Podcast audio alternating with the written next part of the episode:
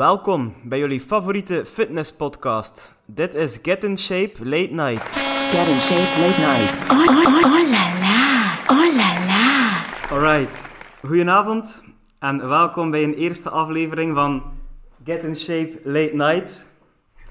Ehm, een podcast waarin dat we vooral rond het fitnessthema zullen spreken.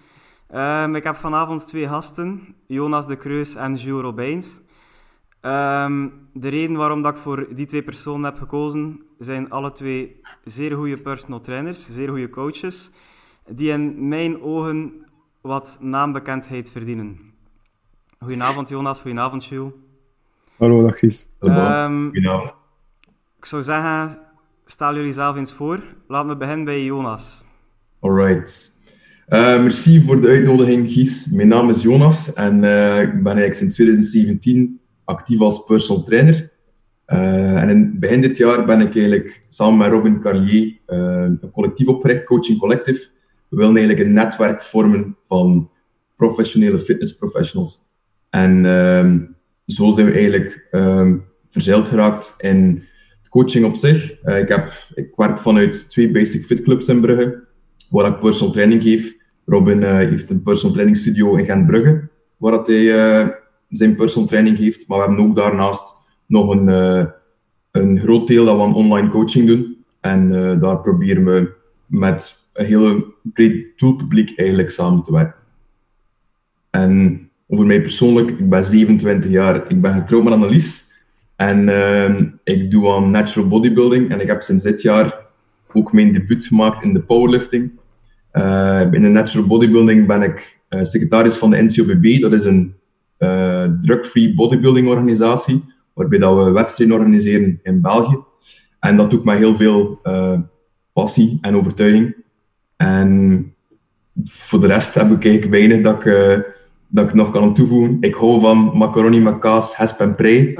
en eh, dat is het eigenlijk een beetje. Ik heb gehoord dat je een zeer bekende coach begeleidt, klopt dat?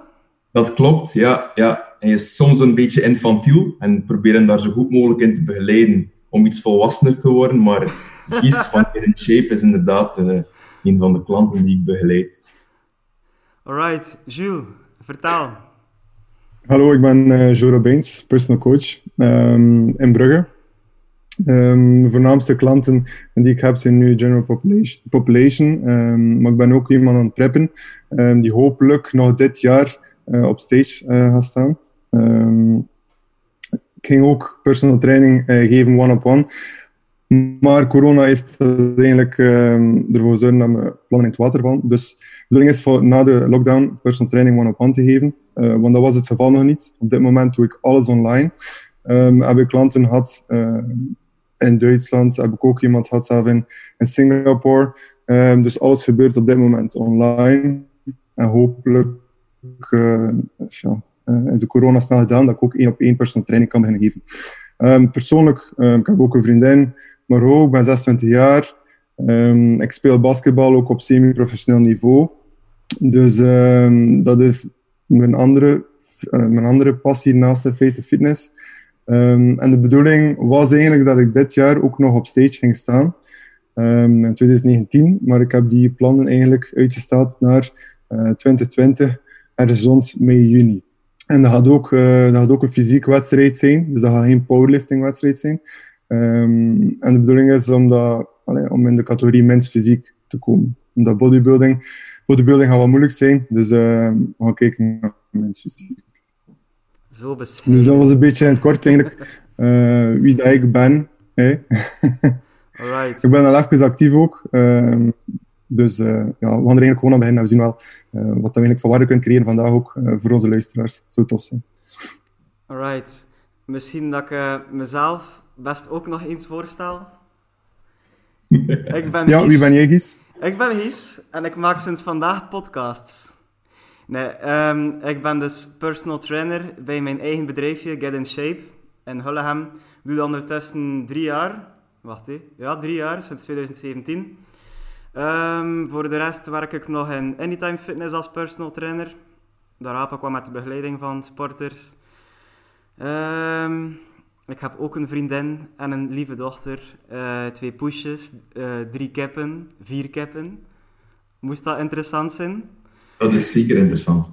Ehm, ja, ik fitness ook op dagelijkse basis. Ehm, en ik ben ook van plan van een fysiek wedstrijd mee te doen onder begeleiding van Jonas. Ehm, normaal gaat dat BK zijn in oktober. Ik doe dat eigenlijk gewoon puur voor de fun mee. Voor ook de ervaring had hem, voor eh, de ervaring over te brengen op mijn klanten. Want begeleid ook wat wedstrijdatleten. En dat is altijd handig dat je een keer traject weet waar dan ze doorgegaan zijn. Want dat is nog niet altijd duidelijk. En soms zeg ik iets van... Oh, pussy, stop met blijten. Stop met huilen in uh, mooie taal. Maar um, ik denk dat ik dat beter ga kunnen snappen. Alright, merci. Oh, Dank u wel. Dat was het. Ondertussen heb ik een kramp in mijn rechter hamstring ervaren. Waarschijnlijk door de stress. Oei, oei. maar net exposeren dat je kan stretchen. Ja. en dit was de pauze. Alright. Um, ja. Dus ze begeleidt alle twee mensen, zowel gympop als wedstrijdatleten. Maar Yes. wat is de ideale klant voor jullie? Alright. Jonas, Oké. hoe ziet de Eh, ideale klant eruit? Klant, geen klant. Ehm, goh, wat dat we ons proberen te typeren bij Coaching Collective is dat we eigenlijk ehm, weinig verwachtingen leggen bij de klant zelf. Als in ehm, wat dat de klant voor mogelijkheden heeft, wat dat zijn situatie is, bepaalt eigenlijk bij ons hoe dat we gaan starten. Als in verwacht niet dat een klant kan zeggen: Oké, ik kan ehm, vijf keer per week trainen, ik heb eh, weinig sociale verplichtingen de komende zes maanden en ik heb tijd en geld genoeg om eigenlijk gezond eten voor te bereiden. Dat is bij ons niet de voorwaarde om te starten. Wat dat bij ons voornamelijk eh meest eh, een goede coaching, een goede begeleiding bepaalt, is hoe goed dat die klant eigenlijk kan communiceren naar ons toe. Als in, eh, we willen de klant niet één keer per maand bij ons laten langskomen en dan de aanpassing doen op dat, op dat ene moment en dan zo weer een man in, het- veld sturen. Maar we willen eigenlijk op regelmatige basis van feedback voorzien en dat heeft hij ook. Dan moet hij daar ook voor rapporteren naar ons toe. En het is voornamelijk dat we zien bij klanten waarbij dat, dat heel vlot verloopt, die, die ook wel de tijd nemen om daar werk van te maken, van hoe is mijn week verlopen, hoe zag dat eruit, heb ik vorderingen kunnen maken op bepaalde zaken, dat dat eigenlijk wel een, een mooie evolutie geeft de, komende, de, de, de volgende weken en de volgende maanden in de begeleiding. Dus eh, dat is een beetje kort gezegd. ja. Ja, dat is inderdaad heel mooi, eh, heel mooi aangehaald. Communicatie is, is super belangrijk. als de klant eigenlijk met een vraag zit, dan moet, hij, dan moet jij eigenlijk als coach de eerste, aanspreek, dat eerste aanspreek, aanspreekpunt zijn voor hem, ehm, zodat je direct in feite het antwoord kan bieden. Eh, want je zit met enorm veel mensen die worden geprikkeld eh, van overal. Dus ze lezen enorm veel zaken op Instagram, op, op eh, internet, via andere sociale mediakanalen, via andere coaches. Ehm, en vaak weten klanten eigenlijk niet wat dat ze moeten geloven. Dus eigenlijk moet jij eigenlijk het eerste aanspreekpunt zijn voor de klant. Maar dan is het ook wel heel belangrijk dat communicatie er is. Dus als de klant dan met een vraag zit, dat die effectief ook stuurt.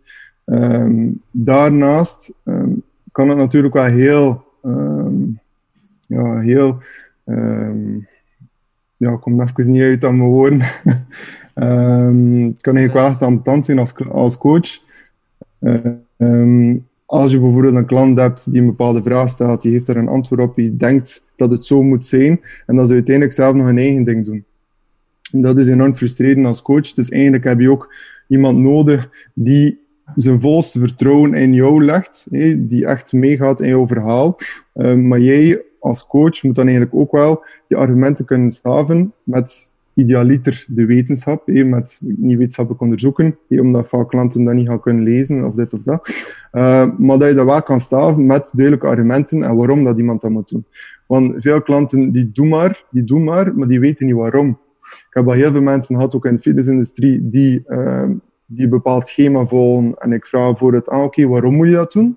Ah ja, dat weet ik niet. Ik moet dat gewoon doen van mijn coach.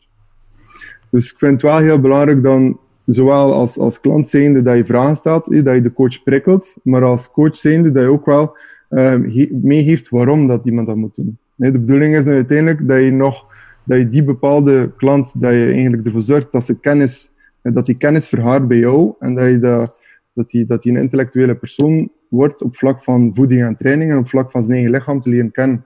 Want heel veel mensen krijgen nu gewoon een schema, een trainingsschema en een voedingsschema en volgen dat klakkeloos. Maar die, die doen geen kennis op. En dat vind ik zo jammer. Dus daarin leg ik wel heel veel nadruk op, bij mijn klanten ook. Ik zeg tegen hen van, oké, jij komt naar mij om iets bij te leren of je lichaam te transformeren.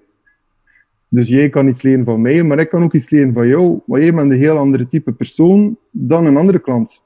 Dus jij gaat helemaal anders reageren op een bepaald protocol dat ik ga toepassen op jou dan een andere klant. Dus ik leer daar ook heel veel zaken uit. Dus dat, zo ga ik een beetje eigenlijk te werk in mijn, uh, in mijn begeleiding. En dat allee, het lukt altijd wel heel goed. Dus dat is wel tof om te zien. Ja, kijk, laat dat, laat alvast een bericht zijn naar iedereen die bij een coach gaat. Vertrouw op uw coach, luister naar uw coach en als je vragen hebt, stel die aan uw coach. Want wat ik ongelooflijk veel ondervind, is dat er een klant met vragen zit en dat hij dat dan aan iemand anders van mijn team gaat gaan vragen van ja, zou ik dat aan mogen eten of zou ik dat aanpassen van training of ik heb last van die blessure, wat moet ik doen? Maar uiteindelijk, daarvoor ben ik er. Daarvoor betalen ze mij, stelt die vraag aan mij en gaat dat niet bij andere bronnen gaan zoeken. Want dan heb je duizend verschillende invloeden en ga je uiteindelijk toch nooit op het punt komen dat die coach wil doen met u. En doordat er gebrek is aan communicatie, gaan die resultaten ook niet optimaal zijn. Mm Volgen jullie daarin? Zeker, zeker. Er is zo'n uh, een vriendmelige quote dat uh, eigenlijk gaat over dat iemand die beroep doet op een coach, dat die moet daar een soort van vertrouwen in zijn tussen zowel de coach als de, als de klant. En uh, die slechte vertaalde quote is eigenlijk dat mensen eigenlijk niet geven om hoeveel dat je weet, zolang dat ze niet weten hoeveel dat je om hen geeft. En dat vind ik wel een, goede om te beseffen van mocht je nog alle kennis zogezegd in pacht hebben en de klant voor je willen overladen met informatie. Als dat vertrouwen daar niet is, dat die klant voor beseft van ja, die coach heeft wel het beste met mij voor, dan boeit dat eigenlijk niet veel. Want dan is de persoon dat ze tegenkomen in de fitness, of wat dat ze lezen van de een of andere fitness-influencer, van een veel grotere waarde voor hen dan dat eigenlijk de coaches die dat eigenlijk betalen, um, om, om die informatie als waard te aanzien. Heel juist. Inderdaad, heel mooi. Ja. prachtig. En dat is het probleem. Oh, zonder sociale media zou onze job zoveel gemakkelijker zijn. Hè. Like, wij kunnen perfect een plan maken. Hij iemand, eh, je verbruikt 3000 calorieën per dag. Je weet, oké, als hij 2500 calorieën eet, je gaat vet verliezen. Maar als ik dat zeg, smalle persoon, like dat ik hier nu zit, en ze lezen bij iemand die 100 kilo weegt, zo breed is, en die zegt, eet elke dag avocado en je zult je doel bereiken. Fuck, ze mogen nog hij betalen, sorry voor uh, mijn vloeken, ze mogen nu nog betalen, sowieso gaan ze die avocado persoon geloven, omdat hij er veel imposanter uitziet. Mhm. Maar ze weten niet het verhaal erachter, dat die ene persoon allemaal doet voor zo te zijn. En het gaat absoluut niet... Uh, ja, avocado is misschien een stom voorbeeld, hè. Maar je snapt wat ik bedoel, hè. Ja, ja, maar wat, dat is dan vaak ook wat er vroeger wel gedaan werd. Als, in, uh, als er voedings, aan voedingsbegeleiding werd gedaan of aan trainingsbegeleiding, dan was er ergens een zaalhouder die alles wat hij verkonde dat dat, dat, dat was. En dat werd eigenlijk klakkeloos aanvaard, omdat dat nenis was. Dus de reden dat we eigenlijk nu onszelf moeten kunnen ja, verkopen op een of andere manier, doet ons ook wel altijd veel harder werken voor de informatie dat we proberen verzamelen. Als in, denk, moest dat er niet zijn, dat we ook wel veel meer die zaalhouder zouden worden van vroeger. Als in, oh ja, waarom zou ik hier nog proberen bijleren of kennis opdoen als coach, als alles wat ik toch zeg, toch aanvaard wordt. Dus het is eigenlijk geen slecht iets om basic toch mensen te moeten overtuigen voor wat dat je weet. Omdat anders zo heel, denk dat je, dat je weinig zo nog bijleren op termijn. Kan je daarin komen? Volledig. Maar ja, ja, ja. Dat is het probleem, hè. Als je daar één gaat zetten die zegt, een Ronnie Coleman, die zegt, je moet nuchter je cardio doen, pas zo ga je vet verbranden. Of je zet daar ik, hij of gelijk wie van kleine coach die zegt van, kijk, studies tonen aan dat niet uitmaakt wanneer je die cardio effectief doet, dat het resultaat altijd hetzelfde gaat zijn. Iedereen stort naar die Ronnie Coleman, hè. Dat is waar. Klopt. En dat is, dat, is, dat, is ook, dat is ook waarom er zoveel... Hoor je mee? Wacht, uh, je wordt inderdaad weer even weggevallen. Oh, en even een robot, Jules. Jonas, weet je wat ik ging doen? Door Oh ja. Jules zijn slechte internetverbinding had ik hier graag van boven een teller gezet hoeveel keer dat we moeten zeggen dat Jules wegvalt. Maar Wat is Jules? Jules was erop voorbereid dat, hij, dat hij een paar keer ging wegvallen. En ik wil hier zo'n counter kunnen installeren, van boven, zo van... Hoeveel keer heeft Jules gehakkeld? Ja, Nee, dat valt verstaan echt totaal Ja. goed dan. Ja. Eh, hopelijk valt dat niet te veel voor. Ehm, wat wel nog ging zeggen, ehm, het is daarom dat er zoveel mensen eigenlijk ook op die... Oei. Nee, doe maar, doe maar. Ze zijn goed bezig, blijf maar, kom maar. Je eigen praat haal je wel in. Ja, oké, perfect. Ehm, wat ik ook nog wil aanhalen, ehm, en dat is eigenlijk ook gewoon het punt eh, waarom dat er zoveel mensen eigenlijk op die documentaire, die Netflix-documentaire Game Changers zijn dat wordt, ehm, die informatie die daarin wordt eh, verspreid, eh, dat wordt gebackt door onder andere Arnold Schwarzenegger, en de mensen denken van, ah oké, ehm, hij zegt, ehm, oké, we gaan vegan, je kan worden, want hij was ook vroeger zo, ja, oké, dan moet je dat doen. Maar dat is totaal niet het geval. En in die documentaire zijn er ook heel veel studies aangehaald. Wat het probleem is, als je kijkt naar die studies, worden die studies uit zijn context eh, getrokken. Ehm, en dan heeft dat eigenlijk totaal geen plaats. Ook de mensen, de mensen kijken altijd, wat is het, het meeste sexy? Ehm, het meeste sexy ja, is iemand die half naakt op Instagram staat. Eh, het meeste sexy is iemand die, die zwaar aan het afzien is tijdens de training. Ehm, en dan denken de mensen dan, oké, eh, aangezien als ze dat allemaal doen zijn, eh, dan moet het wel effectief zijn. Maar dat is totaal het geval niet. Ehm, en er is altijd één constante, eh, dus een coach die het altijd goed bedoelt. Ehm, er is altijd één constante en dat is de wetenschap. Eh, Een coach die effectief echt evidence-based coacht, ja, die heeft zijn constante, die heeft wetenschap, die kan altijd daarop terugvallen. Ehm, maar als je dingen gaat beginnen ehm, te verspreiden die niet gebaseerd zijn op de wetenschap, ga je zelf een heel moeilijk parket steken als je dan eh, te maken gaat krijgen met klanten die heel kritisch worden en die er effectief ook wel kennis van hebben. Dus die coaches gaan uiteindelijk wel door de mand vallen. Ehm, maar dat is gewoon iets wat belangrijk is. Er is één constante en dat is de wetenschap. Dus je kan daar niet, je kan niet rond. Ehm, en je moet je baseren op de zaken die op dit moment nu al aangetoond zijn. Ehm, en dan nog het feit van die studies. Er worden heel veel studies aangehaald en er zijn heel veel coaches die studies aanhalen. Ehm, maar heel veel coaches weten eigenlijk niet of hebben eigenlijk nog nooit zelf een studie geschreven. Zelf nog nooit een scientific paper geschreven. Ik heb dat wel al gedaan. Ik weet hoeveel tijd dat er daarin kruipt. Ik heb dat op de universiteit gedaan. Dus ik heb daar super veel tijd in. Maar zelfs dan nog, die, die papers, er zitten er ook fouten in. Ehm, en hoe dat je die eruit haalt, ja, je kan alleen maar doen als je heel veel leest, als je heel veel kennis opdoet enzovoort. Ehm, dus van zodra dat je hoort, dan is eigenlijk een bericht aan iedereen van studies tonen aan dat, vraag ik je die studie op, lees ik je die studie, zie kritisch. Dat is ook heel belangrijk. Dus ehm, ja, dat een beetje mee bijdragen over dit onderwerp. Maar dat is mij deze week ook opgevallen. Ik weet niet meer waarom dat was, maar ik had op een Instagram-story gezet van als uw coach dit zegt, dit zegt, dit zegt, zoekt u een andere coach. En dingen waren van dat melk u zogezegd een dikke huid zou geven, dat je moet ochtendcardio doen voor vet te verliezen. Maar ik heb ongelooflijk geschrokken. Ik dacht, oké, nu gaat de haat over mij komen, maar ongelooflijk veel geschrokken. Hoeveel mensen dan er mij sturen van, hey, dat zijn effectief al de punten dat ik moet doen van mijn coach. Ik was ook iets van, oh, jammer, zonde. Ja, ja. Maar andere coach weegt wel 100 kilo. Ziet er goed uit. We komen weer op hetzelfde punt. Ja, wat dat, wat dat gewoon ook wel een beetje eh, moeilijk maakt om zoiets uit de wereld te halen, is eh, wat dat werkelijk ook wel het aandeel is in die vier dingen, die vier zaken die je opnoemt. Uiteindelijk zijn dat geen dealbreakers aan heel het resultaat. Als in wat ik mee zeggen is, kun je mensen dezelfde resultaten geven met ook die vier dingen te doen. Ja. Dus het wordt zelden ontkracht omdat iemand zijn doorzettingsvermogen en hem forceren voor bijvoorbeeld geen zuivelproducten te eten tijdens zijn, tijdens zijn contest prep. Ja, een, een bodybuilder is al een beetje zot.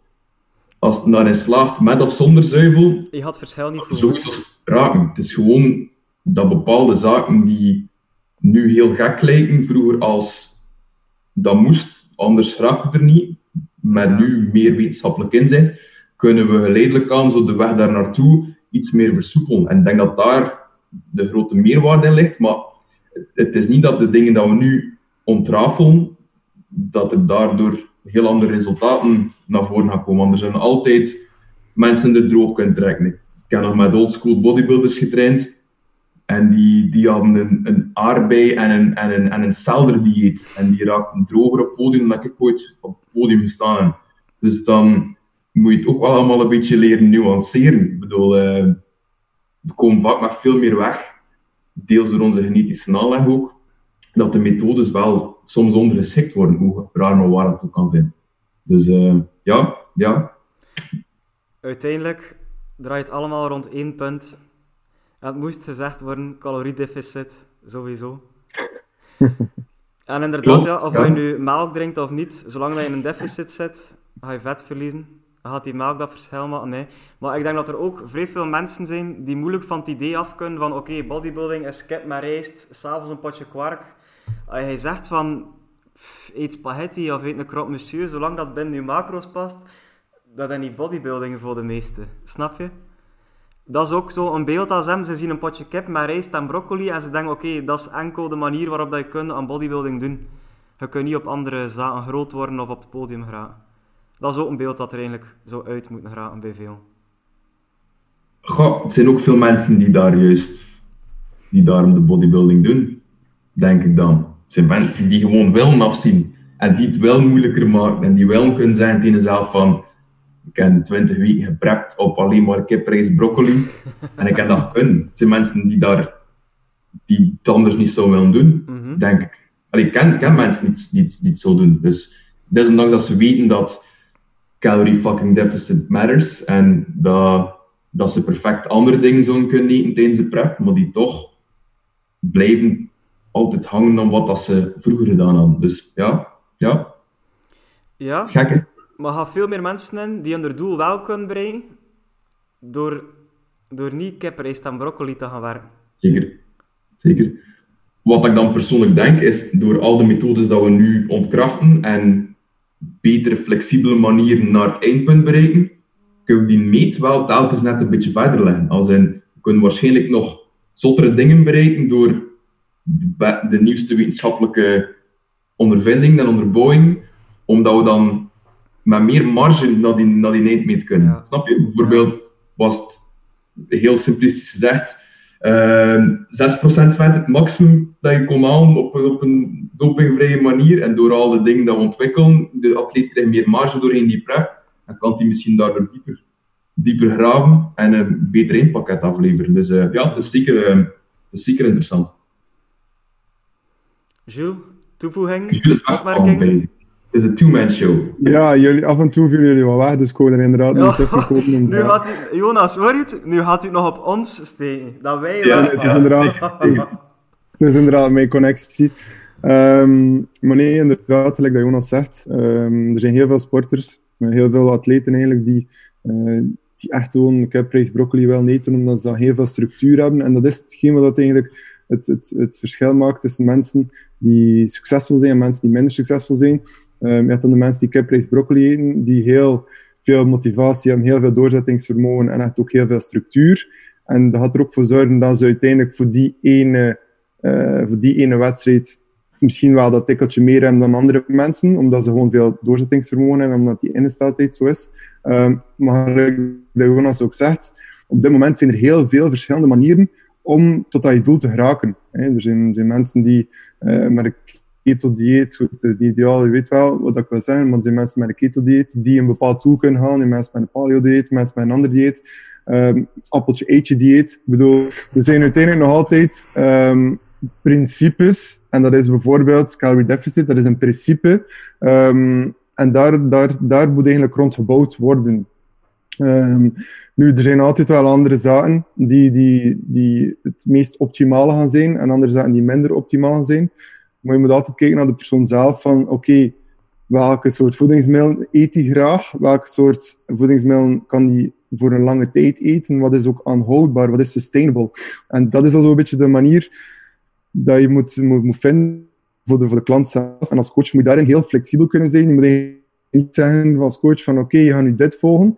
Eet je dat niet graag? Oké, okay, tant pis. Oei, dat is nu Frans, sorry.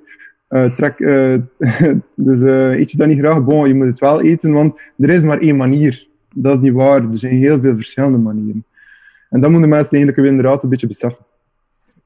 Maar ja, goed, ja, ik denk ook dat allez, jullie ook, die zijn Jonas, jullie zijn ook redelijk flexi flexibel als coach. jullie gaan ook heel veel allez, research doen en kijken, oké, welke andere manieren kan ik eventueel implementeren. En jullie zitten eigenlijk niet echt vast aan één stramien of hoe dat verkeerd. Ik denk dat daar de grote waarde ligt van een, van een goede coach, is dat een, een coach goed de methode van het principe kan onderscheiden. Als in, uh, er zijn bepaalde principes waar we niet rond kunnen. Uh, de aarde is rond, er is zwaartekracht. Als je meer verbruikt dan dat je opneemt, ga je gewicht verliezen. Omgekeerd ga je gewicht aankomen. Dat zijn principes. Maar eigenlijk de methodes, de werkwijzes, zoals er pas aangaf, keto-dieet, uh, andere dieetprogramma's bijvoorbeeld, dat zijn allemaal methodes. En een persoon die voor je zit, gaat altijd een bepaalde voorkeur hebben voor een bepaalde aanpak. En het is dan een fout, denk ik, als coach om dat volledig af te breken. Als in, die persoon dat voor je zit, heeft een bepaalde overtuiging. En iemand zijn overtuiging aanpassen, ga je heel, heel moeilijk beïnvloeden. Zeker niet van startpunt van de begeleiding. Waar ik al met veel mensen staan die een heel bijna religieuze opvatting hadden over hoe dat ze moesten eten. En ik heb in het begin veel fouten gemaakt door mensen te proberen op het andere pad zetten na de eerste week begeleiding bijvoorbeeld, want dan, dan marcheert niet. En dan is dat een taak als coach om dan de, de mogelijke fouten of valkuilen in de methode dat de klant heeft, dat hij mee start, om die eigenlijk te kunnen onderscheiden en toch lichtjes om te buigen om meer aan die principes te kunnen voldoen. En ik denk dat dat, hoe flexibeler dat je tussen die methodes kunt schakelen als coach, dat daar een grote meerwaarde in ligt. True. Kom, kom ik vrij dom over misschien? Want iedere keer als het zo stil is, denken ze van, oh, wat ik het nu weer in zeg. Ik laat het Nee, nee, we laten, we laten het inderdaad even bezingen. Nee, nee, nee. inderdaad. Ja. Dat klopt volledig.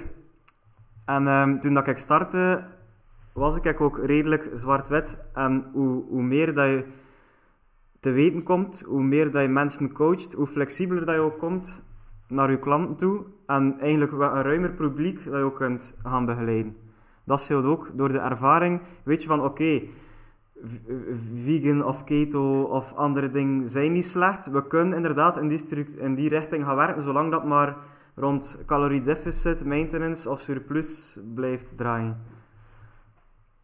Zeker, we absoluut. We van die vaste structuur afwijken gewoon. Mm -hmm. je, je leert ook onderscheiden zo van uh, wat dat er werkelijk nu moet aangepast worden om die klant op, op de goede weg te zetten. En wat dat er zo further along the road, dus ergens verder in de, de begeleiding misschien kan aangepakt worden. En dat is denk ik de grote meerwaarde van ervaring. Dat is iets wat ik drie jaar geleden totaal niet had. En dat je nu eigenlijk wel met vallen en opstaan door geen traject in je, in je job wel, wel leert doen. Dat klopt, ja. En eigenlijk maakt dat, dat juist leuk, hè? Je, leert fouten ontdekken en je denkt, oh nee, ik heb hier gemist. En als je dan een half jaar later daarop terugkijkt, is het iets van, wow, zalig. Weer hmm. bijgeleerd, we zijn alweer zoveel stappen verder. Zeker, absoluut. Ik denk ook dat de, de slechtste manier om je op lange termijn als coach, omdat je echt, om jezelf echt in de voeten schieten, is rotsvast van de daken schrijven dat iets, dat iets zo is. Als in, we zijn er nu eigenlijk redelijk vol overtuiging uh, aan het zeggen dat calorie deficit belangrijk is in een dieet. Dat ziet er nu wel naar uit dat dat zo is. Maar uh, ja, weet, hou je dat ooit de beelden terug te zien krijgen en dan opeens van, oh man, wat hebben, wat hebben we dan gedaan? Fuck. Ik heb daar dus... van de week van gedroomd. Pak nu ben tien jaar dat ze zeggen, hey, gasten, calorie deficit, dat is verleden tijd, hè. wow, shit. Ja, um, ik vind dat we, maar dat is een beetje met alles in onze samenleving. Dus misschien dat ik nu een beetje gaan uitwijken, maar ik vind dat we vrij weinig meer verwachten van mensen dat ze ergens op terugkomen. Dat is, like, like, ik vind dat dat, dat dat niet meer als, dat wordt niet meer als, als juist aanzien. Iemand dat terugkomt op zijn woord, is direct iemand dat, dat niet goed is. Al zijn, die persoon heeft ook wel een reis afgelegd en ook nieuwe ervaringen opgedaan. Ja. En dat dat juist En iets goed is. Ja, dat is inderdaad een goed, heel goed punt dat je aan, eh, aanhaalt. Ehm, veel coaches durven eigenlijk niet te zeggen van oké, op dit moment kan ik je vraag niet beantwoorden, maar ik ga het onderzoeken en ik kom terug met de vraag. Ja. Als iemand komt, Nummer dan denken veel coaches van Je Oh. weggevallen. Even herhalen. Sorry. Als, als bijvoorbeeld iemand komt met een vraag en jij als coach bent niet 100% zeker van je antwoord, dan moet je eigenlijk zeggen van oké, ik ga dat even onderzoeken. Maar heel veel coaches denken van oké, ik moet hier nu een antwoord bieden, anders ga ik eigenlijk een slecht figuur slaan. Maar dat is totaal het geval niet. Je slaat eigenlijk een heel, allee, veel mooie figuur, veel beter figuur, als je zegt tegen de klant van oké, ik ga dit even nu onderzoeken en ik kom terug met een goed antwoord, een onderbouwd antwoord. En dat is iets wat, ehm, ja, waar veel mensen vaak de fout, allee, de mis gaan. Eh, maar aan de andere kant is het ook wel een beetje normaal. Op dit moment, als iemand met een vraag zit, je doet internet open en bam, je hebt je antwoord op je vraag. Maar vaak is dat niet zo zwart-wit. Ehm, en vaak heeft een bepaald antwoord meer informatie nodig en meer ondersteuning nodig. Ehm, maar de mensen willen direct antwoord. De mensen willen direct weten, oké, wat moet ik hier nu doen? Ik moet hier nu vet verliezen, wat moet ik doen? En als mensen, als, als coaches komen van, oké, je moet nu vast het cardio doen. Wat je gaat vet verliezen. Wat dat allee, mogelijk kan zijn, hè, als je in een caloriedeficit zit. Maar die bepaalde klant krijgt direct een antwoord, oké, ik moet dat, ik moet dat doen. Omdat hij direct een antwoord heeft van, maar zo zit het allemaal niet in elkaar. En veel coaches durven niet zeggen van, laat me even de tijd nemen om dat te onder, eh, onderzoeken en ik kom terug met een goed onderbouwd antwoord. Dus ehm, dat is eigenlijk wel een van de sterktes eh, van een coach als je dat kan doen. Ik vrees ook dat er gewoon nog veel zijn dan die weten waar dat ze moeten gaan zoeken. Want pak nu, als je zoekt eh, in Google de gezondheidsvoordelen van een citroen, de populairste sites die tegenkomt zijn van de Libel. Of van, of van Goed Gevoel, weet dat? En hopelijk gaat dat binnen een paar jaar wat anders worden. Als, de, mensen zelf iets googlen, zonder dat ze dan aan de coach vragen, dat ze effectief een deftig antwoord krijgen. Ja, Wat dat waarschijnlijk Eh. moeilijk zal zijn, maar... dat, maar dat is altijd zo'n beetje de, de moeilijkheid ook. Hè. Het, is, het is moeilijk om als leek daar de boom door het bos te zien. Hè. Of de bos door de boom. Ja, het bos door de boom. Ehm, daar pas, het over, we- over wetenschappelijke artikels, dus keer erbij halen en lezen. Dat is niet evident. Like de wetenschappelijke methode beheersen en daar effectief kunnen oordelen wat dat er op iets trekt en wat niet. Dat is iets wat dat, wat dat niet evident is. Als in, ehm, ik ben er al een tijdje terug uit. Ik doe dat niet meer op regelmatige basis. Vroeger moest dat veel doen voor mijn werk bijvoorbeeld ook. Maar ik zou dat nu, moest daar nu mee, terug mee beginnen. Echt in detail wetenschappelijke artikels er gaan bij, bijhalen. zou mij ook heel veel moeite en tijd weer kosten om dat terug op te pakken en al die methodes dat correct zijn te onderscheiden en wat dat niet goed gedaan is bijvoorbeeld. Dus het is moeilijk om dat van mensen ook te verwachten dat ze, als ze een antwoord zien op het internet, dat ze direct weten van, ah, oké, dat gaat wel zo zijn. Ze identificeren er altijd bij een bepaalde uitgever, of ja, sommige mensen al een wijsheid in een libel, andere mensen al een wijsheid uit, een, uit de tijd bijvoorbeeld. En ja, de, de waarheid ligt meestal wel bij een bepaalde uitgever natuurlijk. En dan kan je inderdaad de mensen ook uiteindelijk allee, niet kwalijk nemen. Dat is puur uit onwetendheid. Maar daarom kiezen de mensen ook voor een coach, omdat ze over een bepaald onderwerp die kennis niet hebben. En dat is, allemaal, dat is op zich allemaal geen probleem. Hè? Want dan is, de, de, de, de bedoeling dat de coach eigenlijk die kennis meegeeft met de klant. Dat ze minder onwetend worden. Dat de volgende keer als ze een artikel lezen, is dat nu in de libel of de flair, dat ze twee keer nadenken. Van oké, mijn coach had dat destijds gezegd. Gaat dat hier effectief wel kloppen? En ik ben ook terug bij mijn, bij mijn andere klanten. Dus ik ben bezig, ik kan u een typisch voorbeeldje geven. Ehm, bezig met een vrouwelijke klant, crossvisser. Enkele weken mee bezig. Heel veel mythes al gedebunked. Ehm, dus echt wel, bijvoorbeeld, fasted cardio nodig, ja, nee. Zo van die vragen, echt typisch al op antwoord. En dan achteraf, ehm, achter acht weken of zo, stuurde ze mij een berichtje van, kijk Jules, ik heb hier iets gelezen ehm, ik vind dat eigenlijk een beetje raar klinken. Ik vind dat eigenlijk niet correct met wat jij gezegd hebt. Klopt dit? Dat vond ik heel mooi, heel mooi iets. Hè? Dus de- dat de klant effectief kwam naar mij en zegt van, klopt dit wel? Dus dat wil eigenlijk zeggen dat ik haar eerste aanspreekpunt was om te checken of dat, dat wel klopte. Maar dat kwam omdat ik al daar tijd en moeite heb in in geïnvesteerd heb. De kennis al... Ja. Ze zijn hem kwijt bezig. Ja. Jules. DJ op hoe heet... Was dat juist op het einde? Ehm, ik heb je niet gehoord. Hey. Amo. Amo, hey. Amo, hey. Eh, eh, Helemaal? Lava? Het is misschien daarmee dat Jules wegviel. Ja? Jules, we hebben nu nog altijd niet terug. Hey. Jules is gereïncarneerd in de Nee, lama. hoor je me? Wat blieft, Jules? Wie is Lama? Ja, goeie vraag. Hallo? Oh, Hup, hup, naar een kat. Kom op. Wat doet hij? Vertel verder, Jules.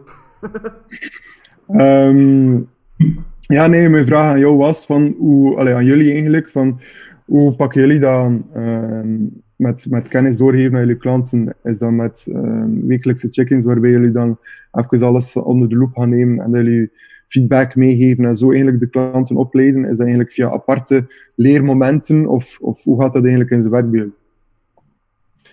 ehm, meestal zie je wel hoe hoog dat, dat op een klant zijn prioriteit staat om dingen bij te leren. En dat wordt dan nog wel in een, in een, in een feedbackmoment, in een check-in besproken als daar vragen over zijn. Maar wat ik ook proberen doen heb de voorbije maanden, dat ik eigenlijk, ehm, maanden, jaren dat ik er eigenlijk mee bezig ben, is ehm proberen gewoon op voorhand een paar dingen al neer te schrijven, een soort van artikel geweest. Ik heb ook een soort van voedingsreeks gemaakt, wat dat ook zo een beetje aan mythbusting doet. Eh, soms een beetje te veel, omdat ik niet altijd denk dat die mythbusting, als in dingen ontkrachten, dat dat altijd de antwoord is op alles. Ehm, maar op die manier probeer ik dan mensen te informeren daarin. Maar ik zie dat eigenlijk niet als ehm, een van de grootste dingen van mijn job. Als in, eh, in het begin dacht ik dat, dat dat mijn job als personal trainer of personal coach een kennisbank was, dat mensen eigenlijk moesten raadplegen, dat ik van alles een beetje moest weten. Eh, Ik ben, daarvan ben daar een beetje van afgestapt, omdat ik merkte dat ik toch nooit alles ging kunnen weten over alles. Dus, ehm, maar dat is zeker, zoals hij aan- aankaart, tijdens een feedback, feedbackmoment, check-in moment, zijn er wel zo dingen die naar boven komen. En dan ofwel klanten in de juiste richting kunt sturen, of er zelf iets over kunnen vertellen, als je denkt dat je toch wel de materie beheerst. Maar ook durven zeggen, zoals hij aangaf, van ik weet het niet, is denk het beste wat je kunt doen. Nee, dat is waar. En like dat je zegt, ehm, je kan van alles iets weten en je kan moeilijk bij elke check-in, bij, elke, bij elk contactmoment, kan je moeilijk ehm, heel, heel boeken, hele epistel beginnen afratelen met kennis en dit en dat. Nee, de, de klanten hebben daar inderdaad geen, geen, geen nood aan. Ehm, ze willen eigenlijk gewoon op dat moment van, ze willen op dat moment eigenlijk een antwoord krijgen op een vraag waarmee dat ze zitten, zodat ze eigenlijk door kunnen gaan naar het volgende Allee, het volgende punt wil zeggen, bijvoorbeeld, ze zijn, zijn even op een plateau terechtgekomen in verband met een gewicht. Ehm, wat moeten de klanten veranderen naarmate, naarmate een gedrag, of naarmate een, een kennis, of naarmate hetgeen dat ze consumeren, zodat ze, zodat ze uit dat plateau kunnen, kunnen breken. Ehm, dus altijd inderdaad wel iets geven en zorgen ervoor dat ze naar het volgende stadium kunnen gaan. Zeker, ja, absoluut. Hey, daar, ehm, hebben jullie daar tips voor? Pat nu klanten. Ehm we willen niet per se iets aan de coach vragen, maar ze willen zelf research doen. Hoe dan ze beste werk gaan? Of zeg je, nee, niet zelf zoeken, vraag het gewoon aan je coach. Ehm, goh, ik denk als ik iets meest fail-safe zou kunnen zeggen, als in dat ze iets kunnen lezen, dat ze één begrijpen en dat ze ten tweede relatief zeker kunnen zijn dat het min of meer klopt, denk ik heel cliché dat een Wikipedia-pagina nog een van de beste dingen is dat ze kunnen doen. Omdat Wikipedia wordt tegenwoordig heel veel peer-reviewed, dus dat wil zeggen dat er heel veel verschillende mensen eigenlijk die juistheid van die pagina controleren. Dat wil niet zeggen dat er af en toe een keer een katholiek op een, uh, op, een of ander gevoelig onderwerp voor de katholieke kerk er een keer een aanpassing gaat door laten sluiten, dat je misschien nog net gaat zien.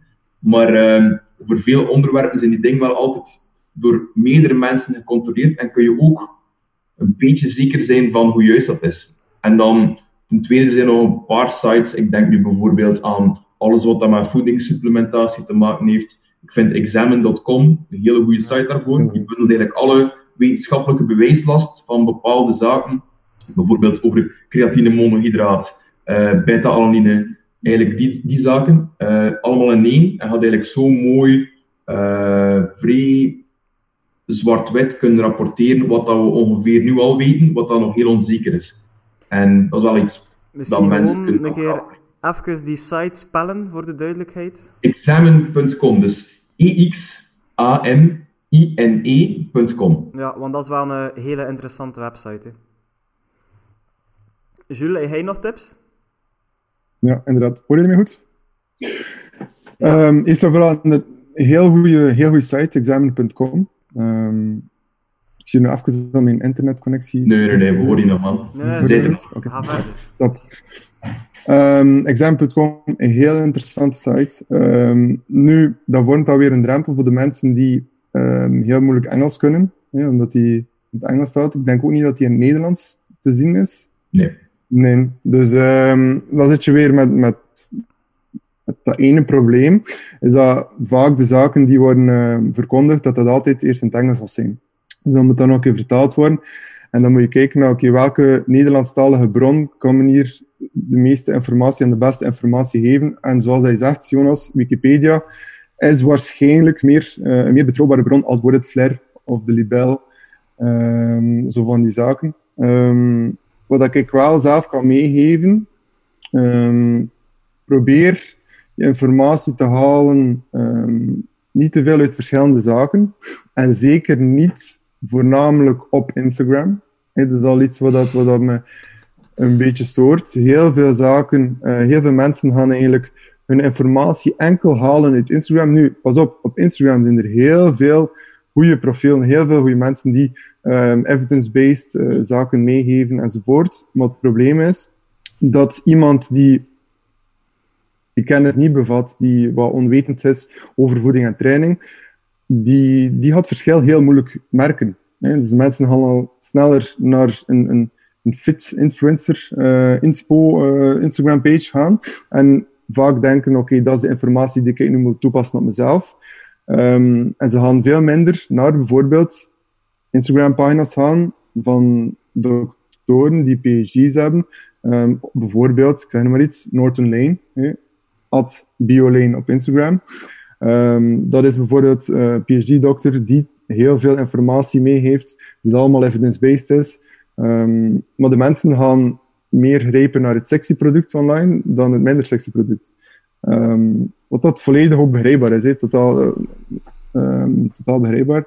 Maar um, als, als, als de goede tips zou meegeven, vertrouw eigenlijk één bron coach. En als je zaken wilt, leren over een bepaald onderwerp, probeer niet te veel te leren, probeer één bepaald onderwerp te kiezen en vraag aan je coach, geef me alsjeblieft een goede bron waar ik wat meer over kan bijlezen um, en ga het zelf niet allemaal gaan zoeken. Dus dat zou ik eigenlijk wel meegeven als tip. Um, Alright, nice. Um, wat ik nog zou meegeven als tip, volg Jonas en Jules zeker op Instagram, want ik moet zeggen, hetgeen dat jullie posten is ook no nonsense. Dat is ook altijd heel duidelijk en leerzaam. Dus sowieso ga ik jullie Instagram-link er ook nog bij zetten. Um, nu dat we toch zo wat rond die klanten en zo aan het spreken zijn. Het heetste topic van het moment, corona. Vertel, hoe heeft, hoe heeft, dat een invloed op jullie klanten? Hoe gaan jullie klanten daarmee om? Hoe pakken jullie dat zelf aan? Want voor ons is dat ook volledig nieuw. We hebben, ja, we zijn alle drie veel te jong voor al zo'n epidemie meegemaakt hebben, denk ik. dat is waar. Ja. Uh, Jules, wil jij als eerste? Ja, um, waar ik me voornamelijk op gefocust heb, van zodra dat eigenlijk uh, de lockdown er was in België, is mijn huidige klanten. Hey, dat, dat vind ik dan nog altijd het meest belangrijke moet zijn. Bij elke coach focus je op je huidige klanten. Ik weet dat heel veel coachen het nu heel moeilijk hebben, zeker financiële problemen enzovoort. Um, iedereen heeft daar te kampen mee, maar focus je nog altijd op de mensen um, die eigenlijk het traject te start zijn bij jou, zodat je ze verder kan helpen. Nu, hoe heb ik me eigenlijk daarop gefocust? Communicatie is daarin heel belangrijk. Dus ik heb gekeken, oké, wat zijn de noden van mijn klanten? Welke zaken hebben ze niet meer ter beschikking? Um, wat dat op dit moment nu een gym zal zijn. Heel veel mensen, nou, ik had een paar klanten die zo thuis wat home gym hadden en ook wat gewichten en dit en dat. Dus daar is er eigenlijk heel veel mee te werken, maar ik had andere klanten die dat niet hadden. En hoe kunnen we daar eigenlijk mee, mee aan de slag gaan, om ervoor te zorgen dat we toch nog altijd uiteindelijk hun eigen hun doelen gaan bereiken. Nu, ik had al aangehaald dat ik redelijk wat uh, general population clients heb. Um, wil zeggen dat, er, um, dat ze niet echt advanced zijn, wil zeggen dat ze niet, allee, vaak niet echt van die zware gewichten nodig hebben. Dus je kan al heel veel thuis doen. En dan is het als coach eigenlijk om daarin heel creatief te werken gaan. En ook workouts beginnen te programmeren voor hen. En vragen van, oké, okay, waar heb je nu nood aan? Um, zijn er zaken dat ik kan bij helpen? Misschien even de focus leggen op andere zaken, ook op mental health. Want ik denk dat er heel veel coaches daar geen um, aandacht aan geven. Nee, mental health, super belangrijk. En daar spendeer ik ook heel veel tijd aan. Um, ook al is dat een vraag van, hoe gaat het nu met jou? Hoe gaat het? Voel je goed? ben je happy? Hoe is je mood? Want op dit moment heel veel mensen hebben nu te maken met, met stress. Omwille van dat ze op, op tijdelijke werkloosheid komen, omwille dat, dat ze hun job zelf verliezen. Um, en eigenlijk als, als coach moet je daar heel begripvol in zijn. Nu, voor mezelf eigenlijk, als, als business, um, ik heb nu recent ook mijn, mijn onderneming opgericht, JR Personal Coaching. Um, voor mij ja, beïnvloedt corona een beetje negatief. Uh, we zeggen dat er, dat er wat minder inkomsten zijn op dit moment. Maar dat is eigenlijk ook wel te begrijpen aan de ene kant. Veel mensen vallen zonder een job. Veel mensen zitten nu thuis met hun kinderen. Um, prioriteiten zijn op dit moment anders. En die gezondheid ja, gaat vaak eigenlijk uh, zakken in je prioriteitslijst. Vaak gaan de mensen zeggen, oké, mijn gezondheid kan wel wachten. Een coach is eigenlijk een luxe. Uh, ik ga ervoor zorgen dat ik thuis wat actief bezig ben, dat ik wat ga lopen, dat ik, dat ik toch wel een beetje ga letten op mijn voeding. Um, en dan we zien wel een keer dat de corona gedaan is, dat we terug naar de gym kunnen gaan. Dan ga ik misschien zelf terug weer een coach nemen. Um, maar het is, het wat prioriteiten. Klanten die, die wat minder geld hebben, of potentiële klanten die wat minder geld hebben, ja oké, de prioriteit had dat niet een coach zijn.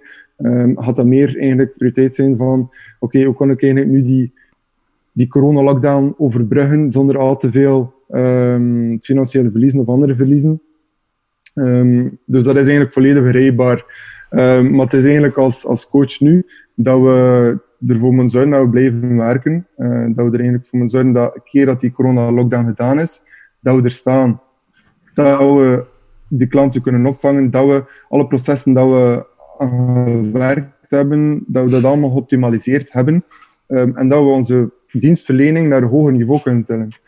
Um, dat is nog altijd het belangrijkste voor mij. Zorgen dat die dienstverlening, zorgen dat JR Personal Coaching of mijn naam zelf, Juro Baines, dat dat een goede naam heeft, dat ik echt goede dienst verleen naar de klant, dat de klanten gelukkig zijn. En dat, dat moet altijd de topprioriteit blijven. Nu, ik heb wat minder klanten op dit moment. Ik denk Jonas misschien ook, of Gies waarschijnlijk ook. Dat is logisch. Ja, iedereen. Um, er zijn heel veel, en dat is heel jammer, mensen in de fitnessindustrie die uh, zelf een eigen PT-studio hebben, die, die, zelf failliet aan het gaan zijn of failliet zullen gaan, wat dat heel jammer is, jammerlijk is. Um, maar we moeten elkaar blijven steunen en we moeten proberen positief te blijven. Dat is eigenlijk het enige dat ik kan doen. En een quote dat altijd bijgebleven is, een Engelse quote, you must accept the things you cannot change. Je kan er op dit moment niet te veel aan veranderen. Zorg dat je er dan niet te, ja, niet te veel van aantrekt en dat je niet de hele dag negatief uh, erbij loopt, want dat heeft een invloed op alle, allerlei andere zaken. We gaan dat straks dan nog een keer verder bespreken, op welke zaken dat we nog zo moeten focussen. Um, maar accepteer gewoon de situatie op dit moment. Um, dus dat, dat bij jullie is. Um, hoe heeft corona jullie beïnvloed? Uh, ja, ik denk dat er, dat er niemand met een straight face kan zeggen dat corona zich onbeïnvloed heeft gelaten. Ik denk, uh, als we niet allemaal met een klein beetje stress zitten, vaak vlak dan ook privé, werkgerelateerd, uh, als we dat nu niet ervaren in deze periode, denk ik dat we de ernst van de situatie niet echt ins inschatten. Ehm, maar wat dat er natuurlijk wel is, is um, het is die periode is nog nooit voorgekomen. Als in niemand kan ons vertellen wat dat we zouden moeten doen en wat dat we gaan doen. Het enige wat we kunnen doen is wat, gaan we vandaag doen. En dat is op een op of andere manier heel benauwd. Um, aan de andere kant ook heel bevrijdend, denk ik. Als in, uh, niemand kan u zeggen wat dat er moet gebeuren. Dus aan de andere kant kun je het ook maar zelf beginnen zoeken. Het is heel, heel allez, stom bijvoorbeeld. Ik heb een, uh, in het voorjaar heel veel energie gestoken om uh, samen met Robin eigenlijk onze vennootschap zo goed mogelijk op te bouwen. Een vijfjarenplan geschreven, wat we graag met het bedrijf zouden willen doen. En ik denk dat elke vennootschap daarin kan vinden dat dat vijfjarenplan grotendeels in de vuilbak mag gesmeed worden. Want niemand gaat weten hoe dat de komende vijf jaar zullen verlopen. Ik denk we nog maar aan, aan, aan het beginpunt staan van de nieuwe normaal. Uh, dus ja, dat, dat er zaken zullen veranderen, dat er zaken veranderd zijn, dat is absoluut waar. Ik denk dat we nu gewoon moeten proberen zo goed mogelijk kop boven water te houden. Inderdaad, denken aan hoe kunnen wij een meerwaarde bieden uh, aan de mensen die wel nog van onze diensten gebruik maken. En als er eventueel ruimte is voor nieuwe mensen bij te laten komen, zo goed mogelijk hen, kan, hen kunnen overtuigen van waarom dat effectief belangrijk is om, om beroep te doen op een, op een fitnesscoach. Dat klopt, ja. Ja, like dat je zegt, we kunnen er enkel maar het beste van maken. Hè. Ik denk uh, dat het shock-effect bij mij even hoog lag als bij mijn klanten. Uh, de eerste week was dat paniek van wow, wow, wat gaat er gebeuren, wat gaat er veranderen? Honderd keer dezelfde vraag, wanneer gaan de gyms terug open? Oh, niemand die er een antwoord op heeft. Swat, en na een week begin je dan te kijken van oké, okay, die situatie is er, hoe kun je ze zo optimaal mogelijk aanpakken? En bij mij was dat pff, webinars eh, proberen mee te volgen zoveel mogelijk, want nu is er tijd voor, anders hebben we die tijd niet en hebben we die mogelijkheid ook niet.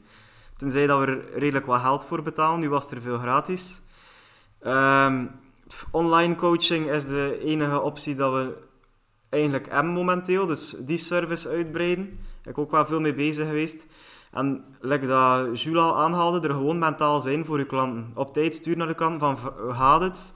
Hoe ervaar je die situatie? Hoe, hoe wil je verder naar begeleiding toe?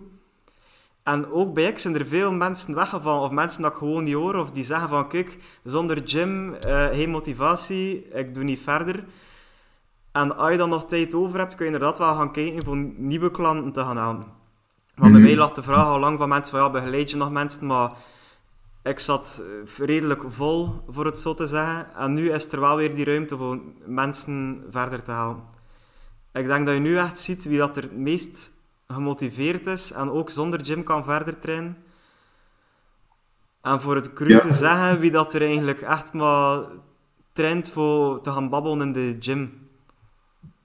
Ja, ik, wat, wat dat ook wel een kwestie is, is dat we, we mogen mensen een situatie ook wel niet over dezelfde kant scheren. Als in, uh, mm. zijn mensen die nu de voorbije negen weken uh, veerkracht hebben gehad om hun eigenlijk daar door te slepen. Er zijn andere mensen die het mentaal veel moeilijker gehad hebben. En dan is de ruimte om uh, iets volledig nieuws te starten. Want allee, je mocht draaien verkeerd. Wij mogen 40 graden koorts hebben. Je had ons moeten tegenhouden om niet te trainen. Voor veel mensen is dat wij zijn de zotten. Als in wij doen rare dingen. Wij, wij zo'n uh, dieet tot er streep in onze reet staan. Maar dat is eigenlijk geen normale geen normale manier van werken. Dus uh, ik probeer het altijd een beetje te vergelijken. Als ik me soms een beetje teleurgesteld ben in hoe dat sommige mensen uh, niet zien zitten om te sporten, is uh, ik ben absoluut geen tuinman. Als, ik werk niet graag in de tuin, ik ken twee linkerhanden. ik kan gelukkig beroep doen op mijn schoonpa, die veel van die dingen ont, ontneemt van mij. Maar ik krijg wel het gras af. Als in, grasrijden, afrijden, dat is, dat is een taakje dat ik kan doen. Moet daar niet veel voor kunnen. Uh, ik doe dat op regelmatige basis. Maar ze zouden mij morgen moeten komen zeggen van ja, sorry Jonas, maar die grasmachine, die marcheert niet meer. Je had met de schaar moeten knippen. Ik zou het niet meer doen. Ik zou mijn gras niet meer afrijden. Ik zou wachten totdat die grasmachine terug vermaakt is. En denk dan dat je het zo wel een beetje mag vergelijken bij veel mensen, hoe dat die sportervaring is. Als, in, als de condities niet volledig goed zijn, dan gaan er veel mensen van tussen vallen. En ja, probeer zo goed mogelijk die condities te kunnen als coach uh, in, een, in, goede baan en een, en een goed alternatief kunnen voorzien. Dat is waar dat de waarde ligt in een coach in deze periode, denk ik. Ja, voor daar nog een keer vlug kort op in te springen. Um, dus ik heb ook echt wel geschrokken van hoe creatief dat de mensen zijn. Als je ziet, na die eerste twee weken, welke prachtige self-made home gyms dan er overal ontstonden. Oefeningen waar ik nooit had op kunnen denken van wow, hoe is dat thuis kunnen doen. Echt wel chapeau voor veel mensen ook, dat ze zo creatief kunnen omgaan met de situatie. Absoluut. Want dat zegt, iedereen ervaart het anders. Hè. Ik denk dat het ook niet fout is, omdat het weer op hetzelfde neerkomt. Als in, er is niemand die u kan zeggen hoe dat je op deze periode zou moeten reageren. Mhm. Dus ik denk dat we ja, ook misschien wel een klein beetje moeten kunnen mensen loslaten op dat vlak. Het is heel moeilijk. Ik keer dat zelf ook toe. Dat is enorm frustrerend als je mensen zo gemotiveerd en on the money kan zien als al, al de gyms open zijn en één week later dat ze volledig op hun gat zitten. Maar ik denk dat we daar niet anders aan kunnen dan dat te leren aanvaren en zo goed mogelijk proberen alternatieven te voorzien. Mhm. En dat is ook wel, um, dat is ook wel nog iets. Je zegt van oké, er, zijn, er zijn op dit moment geen fitnessen niet meer. Um, we zeggen dat eigenlijk de mensen wat zonder doel beginnen te vallen. Waarom gaan de mensen naar de fitness? Omdat ze krachtiger willen zijn. Omdat ze bijvoorbeeld die 160 kilo squat willen halen. Ze willen um, een training op die, verbeteren. Hun, hun cijfers dan ze hebben gehaald vorige week, hup, willen die verbeteren. Mensen vallen nu op dit moment eigenlijk zonder doel, omdat ze, ze hebben geen gewicht niet meer. Veel mensen hebben geen gewicht niet meer. Um, ze kunnen niet die, die progressive overload um, gaan na-chasen. Chasen. Dus moet je eigenlijk als coach de klant andere doelen meegeven. Ja. Um, wil ik zijn, en ik kan ook weer terughalen aan dat voorbeeld van mental health, um, of, of andere zaken, lifestyle changes. Um, op dit moment hebben de, de klanten geen fitness niet meer, maar kan je wel nog workouts maken voor de klanten, zodat ze nog fit blijven. Maar gebruik die periode om bijvoorbeeld te werken op andere zaken. Je hebt heel veel mensen die, die, die naar de gym gaan, maar hun slaap is heel slecht. Probeer daarop te werken. Um, andere mensen um, die, die, slaap is goed, uh, gym is goed, is in fit en dit en dat, maar zijn problemen met bijvoorbeeld relaties. Gebruik die tijd om terug je relatie op punt te stellen. Gebruik die tijd om terug um, um, outreachen naar vrienden die je lang niet hebt gehoord. Um, gebruik die tijd om eigenlijk je, uh, je tijd spenderen op, op zaken dat je eigenlijk altijd normaal op de lange baan hebt geschoven. Maar dat je nu echt wel tijd voor hebt voor daarmee bezig te zijn. Gebruik je tijd daarmee. En probeer nuttig te zijn. Probeer je tijd nuttig te spenderen. Uh, er zijn heel veel, heel veel zaken waar dat de mensen op kunnen focussen. Hè. Maar probeer als, als coach dan ook een beetje um, doelen mee te geven aan de klant. Hè. Zorg ervoor dat ze, dat ze purpose hebben. Dat ze iets zijn van, oké, okay, gym is nu gedaan. Allee, ik kan nu even niet naar de gym gaan. Maar ik kan wel dat doel halen. En een keer als ze dat doel bereikt hebben, heeft ze een ander doel mee. Of zorg ervoor dat ze zelf een ander doel vinden. Dus zo, allee, zo zou ik het ook een beetje eigenlijk um, aanpakken. Mm -hmm. maar... Er is nu eigenlijk een... Ja, zeg maar. Sorry, wat je dan wel merkt zo bij klanten die echt geen materiaal hebben, wat ik dan doe is echt zo doelen opstaan van kijk, 6 op 7 bijvoorbeeld uw voeding zo goed mogelijk opvolgen, een stappendoel geven, toch iets van home workout, al is maar wat cardio op een fiets. Dan ze toch iets doen, al is het een paar pagina's uit een boek lezen. Maar het probleem is, veel denken van oké, okay, dat gaat hier vier weken duren, de fitness gaan terug open gaan. Maar ik denk dat er niemand had zien aankomen dat dat zo lang ging duren. En oké, okay, je kunt wel wat thuis met rekkers trainen, maar na drie weken... Oh, stop het daar ook wel ergens. Het is moeilijk voor daar dan weer op te gaan anticiperen. Maar je moet ook blijven opnieuw dingen verzinnen, iedere keer hoe langer dat duurt. Nee, dat is waar. En dat wordt eigenlijk op dat moment wordt kaf van het koren gescheiden. Um, en ga je eigenlijk zien hoe dat het meest gemotiveerd is. Maar je kan, je kan de klanten eigenlijk aan, aan een lot overlaten, maar ik stel voor dat je dat niet doet en dat je als coach wel andere manieren vindt om die klant toch te triggeren, om ervoor te zorgen dat ze eigenlijk um, ja, een ander doel kunnen behalen. En als coach, normaal gezien als coach, zie je, heb je eigenlijk een totaal beeld over hoe dat de klant hun levensstijl is. En de levensstijl bevat eigenlijk heel veel factoren. Het is niet enkel voeding, training um, en voeding, training. Het is enkel dat. Het zijn ook heel veel andere zaken. Mm. En probeer daaraan te werken. Ja. Jonas? Ja, ik sluit me daar volledig bij aan. Als in, um, dat, dat kan lonen voor iemand om, uh, om even zo een keer een, een perspectief te verleggen als iets echt heel erg frustreert van ik zou moeten trainen, maar dat marcheert niet. Uh, ik heb geen goesting om met mijn rugzak vol met rijst en water en een elastiek of twee aan de slag te gaan. Die iemand, een andere perspectief geven om iets op te focussen, kan inderdaad heel motiverend zijn om dan misschien later, als er terug weer wat hoofdruimte is om daarmee te werken, om dan te kijken van wat is er terug iets mogelijk om te trainen bijvoorbeeld. Mhm. Dus uh, zeker een goed idee, absoluut.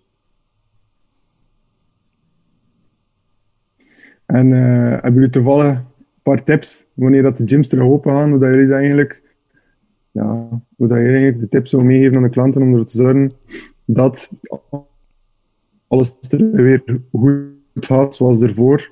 Mm dat ik dat persoonlijk zou aanpakken bij de mensen dat ik begeleid, is uh, de eerste week ze een beetje een free pass te geven als in hoe dat ze een training willen indelen. Als in, uh, ik denk dat we een beetje zoals kleine kinderen terug in de speeltuin zullen zijn en dat we uh, heel veel oefeningen willen doen dat we graag doen, die we gemist hebben, maar dat niet altijd de oefeningen zijn dat we eigenlijk zouden willen blijven doen om goede progressie te maken. Als de kerels gaan wel een bicep en tricep doen of pectoral flies. De dames gaan de kickback-machine voornamelijk willen werken, bijvoorbeeld.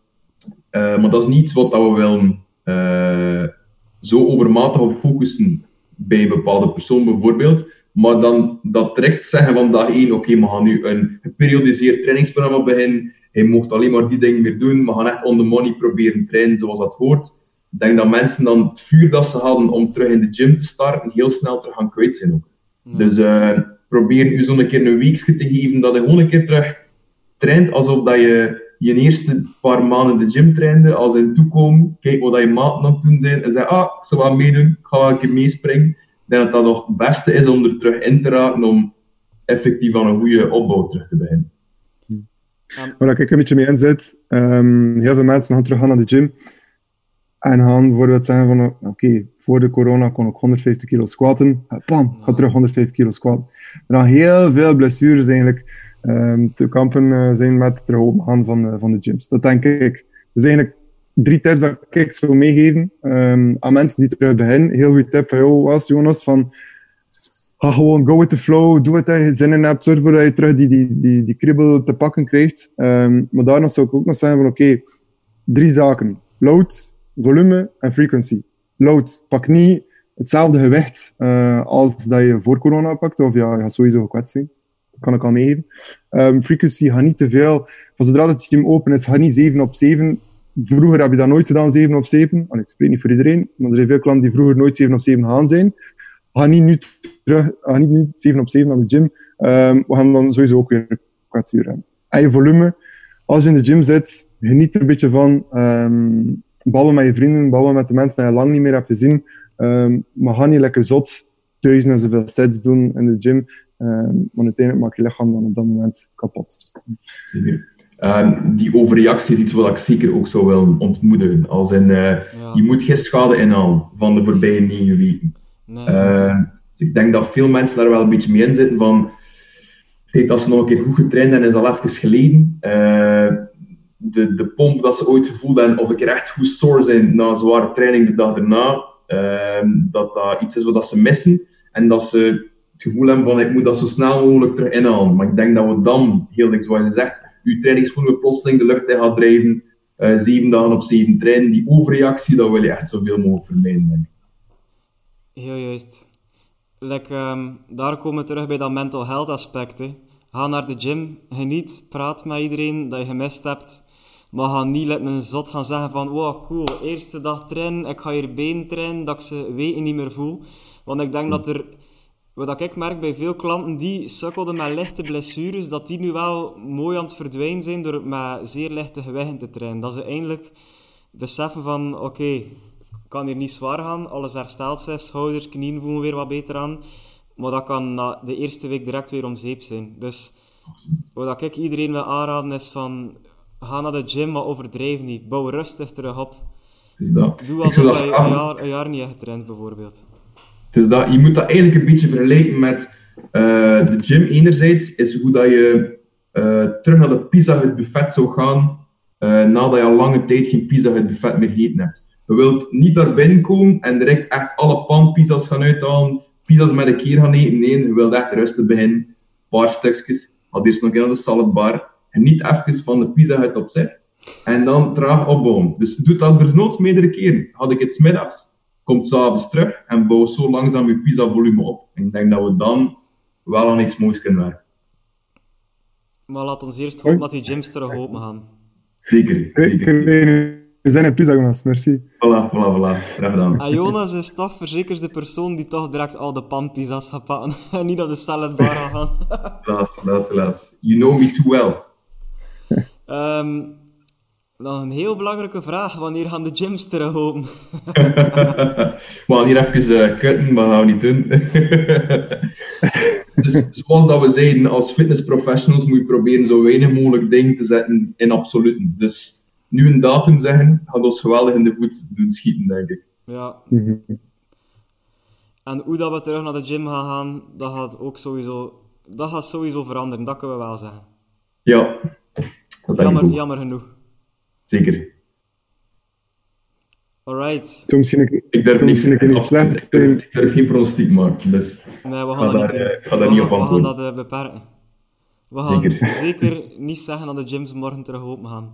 Absoluut niet. En zeker ook niet 8 juni, bijvoorbeeld. Nee, nee, nee, nee. Dat zou echt stom zijn om te zeggen. Ja, ja, ja, zeker. Als de mensen hoop geven, nou, dat willen we niet doen. Nee, Ehm, maar uiteindelijk, het is wel een heel goed punt iets van eh, het gaat heel anders zijn als we terug gaan naar de gym. Ehm dat zeggen, de mensen gaan nu wat ehm, ja, gaan meer hun handen wassen. Um, gaan ervoor zorgen dat ze, als ze iets aan, aanraken, dat ze misschien thuiskomen, dat ze dan toch nog een keer hun handen gaan gaan wassen. Het gaat veel hygiënischer. eh, gaan mensen, mensen gaan veel hygiënischer te werk gaan eh, in de fitness. Wat dan misschien een slecht punt zou zijn. Want heel veel, allee, jullie weten dat ook. Nou, kijk, Gies is al heel goed bezig.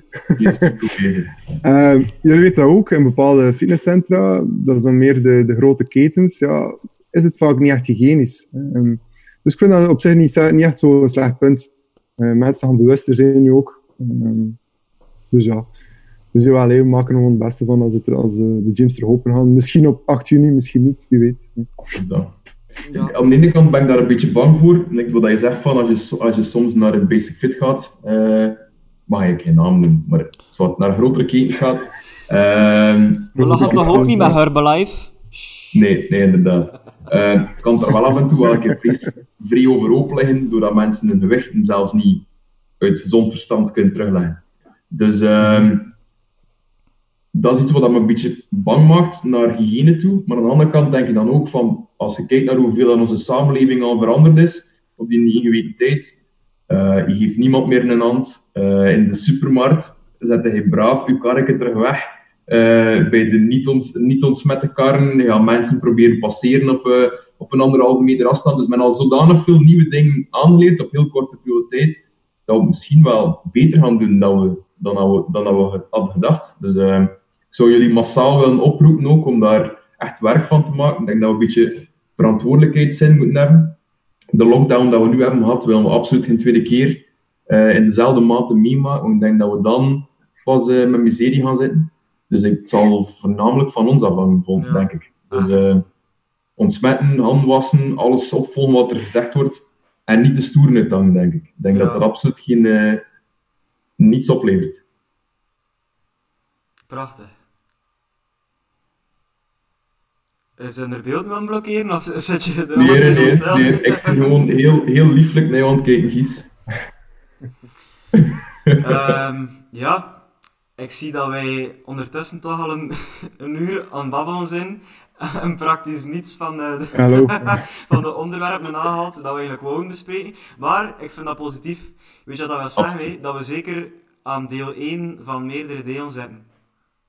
Klinkt dat goed voor je?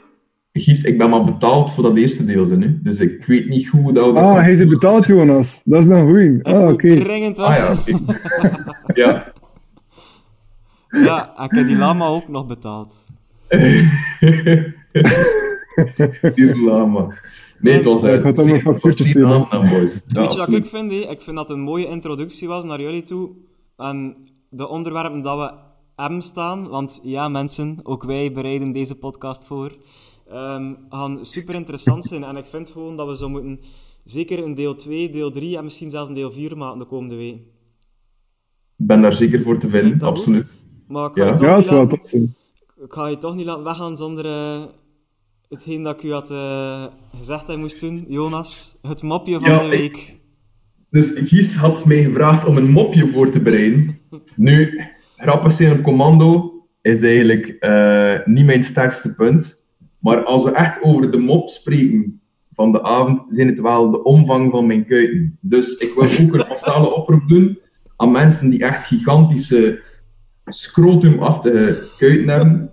En ze willen die doneren. Je kunt mij altijd bereiken, coachingcollective.be, Jonas de Kreus, berichtje sturen. En dan kunnen we zeker iets regelen. Ik heb daar veel voor over, dat is al wat ik wil zeggen. Oh, wat een... Mooi, mooi. Misschien krijg je wel iets in de brievenbus. Yes. Nee, ik hoop inderdaad dat, eh, dat de meeste mensen die hier, hier iets aan gehad hebben, eh, dat ze er een paar zaken uit kunnen meepikken. Af en toe was het een keer moeilijk, langs mijn kant, om wat, aan mijn woorden uit te raken. Eh, maar het is wel interessant. Het is ook de eerste keer dat ik dit doe.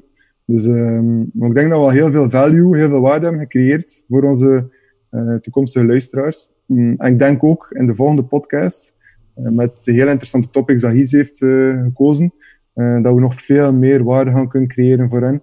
Ehm, en dat we eigenlijk echt wel ja, de, de bepaalde topics gaan kiezen, onderwerpen gaan kiezen, die echt wel veel besproken worden in, in fitnesscentra en eh, onder fitnessers eh, algemeen. Dus ehm, ja, ik ben, eh, ik ben benieuwd naar de reactie eigenlijk van, eh, van de mensen. En ja, kijk, kijk wat ze ervan vinden. hè. We dan misschien nog een keer traditioneel kunnen doen, like dat ze in elke echte podcast doen, vertellen waar we jullie kunnen terugvinden. Jonas, waar ben je te vinden? Je kunt mij terugvinden op coachingcollective.be ehm, of op onze Facebookpagina Coaching Collective en onze Instagram-pagina Coaching Collective underscore BE. Ehm, en als u informatie wilt of je wilt me een vraag stellen, kan je me altijd contacteren via deze kanaal. En eh, misschien tot binnenkort. Ja, mij kan je vinden, mij kan je vinden op Instagram, eh at coach, coach Jules Robijns, allemaal aan een stuk. En eh, ik ben op dit moment ook bezig met mijn website, waar dat er heel veel interessante content op gaat komen. Ehm, de website www.julesobijns.com. Eh, ik ben op dit moment mee bezig. Eh, dus eh, ja, ik ben benieuwd wanneer ik die kan lanceren. Hopelijk binnenkort. Ehm, dat dat ook een beetje mijn landingspagina wordt voor velen. Ehm, en waar kunnen we jullie vinden, Gis? Ehm, www.getinshape.be of op Facebook www.getin... Dat is hetzelfde. www.facebook.com slash getinshapecoaching of op Instagram instagram.com slash getinshape.be Alright. Mooi, hè? Ik ken alles van buiten. Mooi man. Dat is een marketingmachine. Hey Jonas, misschien nog één iets leuks. Ehm, we kunnen nog een keer vertellen aan Jules over mijn talent. Dus Jules, Jonas had een ehm, wc-rollen squat challenge georganiseerd. Hoeveel reps had jij, Jonas? Ik, eh, dus de, de, de challenge was eh, om met een wc-rol op je hoofd zoveel mogelijk bodyweight squats te doen. Ehm, ik heb er een stuk of vijf kunnen. Dus ik dacht van, ik ga dat posten. Dat gaat leuk zijn, mensen aan er even mee kunnen bezighouden. Eh het waren dan heel veel reacties daarop. Een paar video's ook. Ehm die video's, 21 squats, de max. Dat is al vier keer meer dan ik ooit gedaan heb. Op dag 2 van de challenge kreeg ik een privébericht van Gies met zijn filmpje 109 squats. En dan had ik zoiets van, ja, oké, we weten al wie dat er gaat winnen, dus ik kan nog even wachten met hem te posten of niemand gaat nog, nog een extra video willen plaatsen. Maar uh, ja, nog 109 squats heeft meneer Plathoofd daar kunnen doen met een wc-rol op zijn hoofd. Voilà, was perfect. Allee, ik ga het een keer proberen. Ik ga het keer proberen kijken aan hoeveel, uh, aan hoeveel squats dat ik graag. Maar Gis, um, misschien ook interessant voor de luisteraars uh, of voor de kijkers. Misschien een keer interessant dat je dat filmpje ook een keer toont. Um, dat het niet effectief quarter squats zijn. Um, en as the grass squats. Ik vind dat ook belangrijk. Gis, dat moet... Ja, dus, uh, Oei. nee, nee, nee, nee. Je moest dus... Mooi. Ik ga even mijn oog dicht doen. Je moest dus drie wc-rollen op de grond zetten, of waren het er vier? Denk drie. Ik weet het niet meer. Ja, en één op je hoofd. En je moest iedere keer met je, met je beps tot tegen die wc-rollen gaan. Dus dat waren uh. Okay. mooie reps. Super. Alright, we gaan het hierbij laten. Yep. goed. Tot een volgende aflevering van Get in Shape Late Night. Machtig. Salut! Schick. Bye bye. Yeah. bye, -bye.